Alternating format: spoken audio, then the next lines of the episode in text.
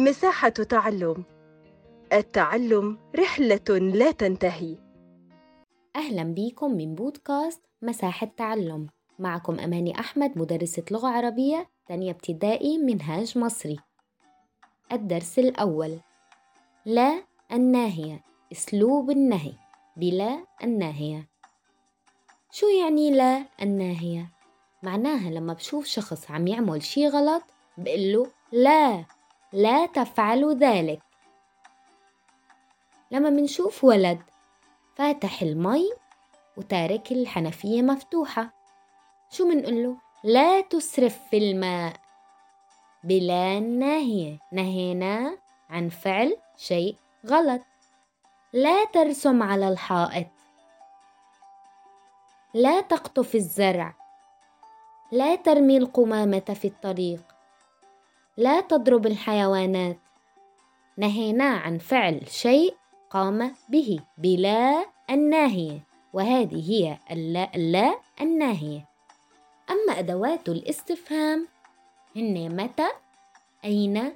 من؟ كيف؟ كم؟ هل؟ لماذا؟ شو يعني أدوات الاستفهام؟ يعني لما بنسأل أو بنستفسر عن شيء يبقى عنا استفهام لحتى نعرف شو هيدا. متى تسألنا عن الزمان؟ يعني متى أداة استفهام للزمان؟ متى تذهب للمدرسة؟ الإجابة هي الساعة السابعة صباحا. السابعة صباحا زمان. أما أين؟ أين بتسألنا عن المكان؟ أين تقف العصفورة؟ تقف العصفورة على الشجرة. أين يعمل والدك؟ في المستشفى. أين؟ بتسألنا عن المكان. أما من؟ تسألنا عن العاقل الشخص العاقل. من أعطاك الجائزة؟ المعلم. معلم شخص عاقل. من كتب الدرس؟ التلميذ. التلميذ شخص عاقل. أما ما؟ ما بتسألنا عن الشخص الغير العاقل يعني جماد أو حيوان. كيف؟ كيف بتسألنا عن الحال؟ أداة استفهام للحال. كيف حالك؟ بخير الحمد لله. عن الحال.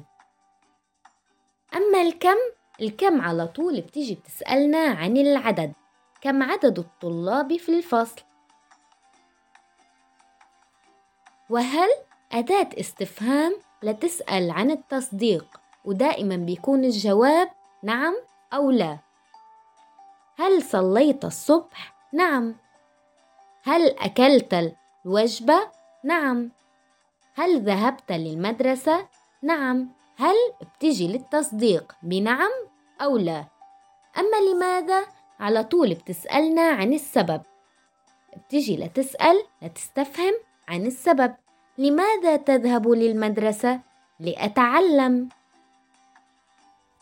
هيك منكون فهمنا شو هن أدوات الاستفهام متى أين من ما كيف كم هل لماذا إن شاء الله تكونوا استفدتوا معنا واستنوني بحلقات جديدة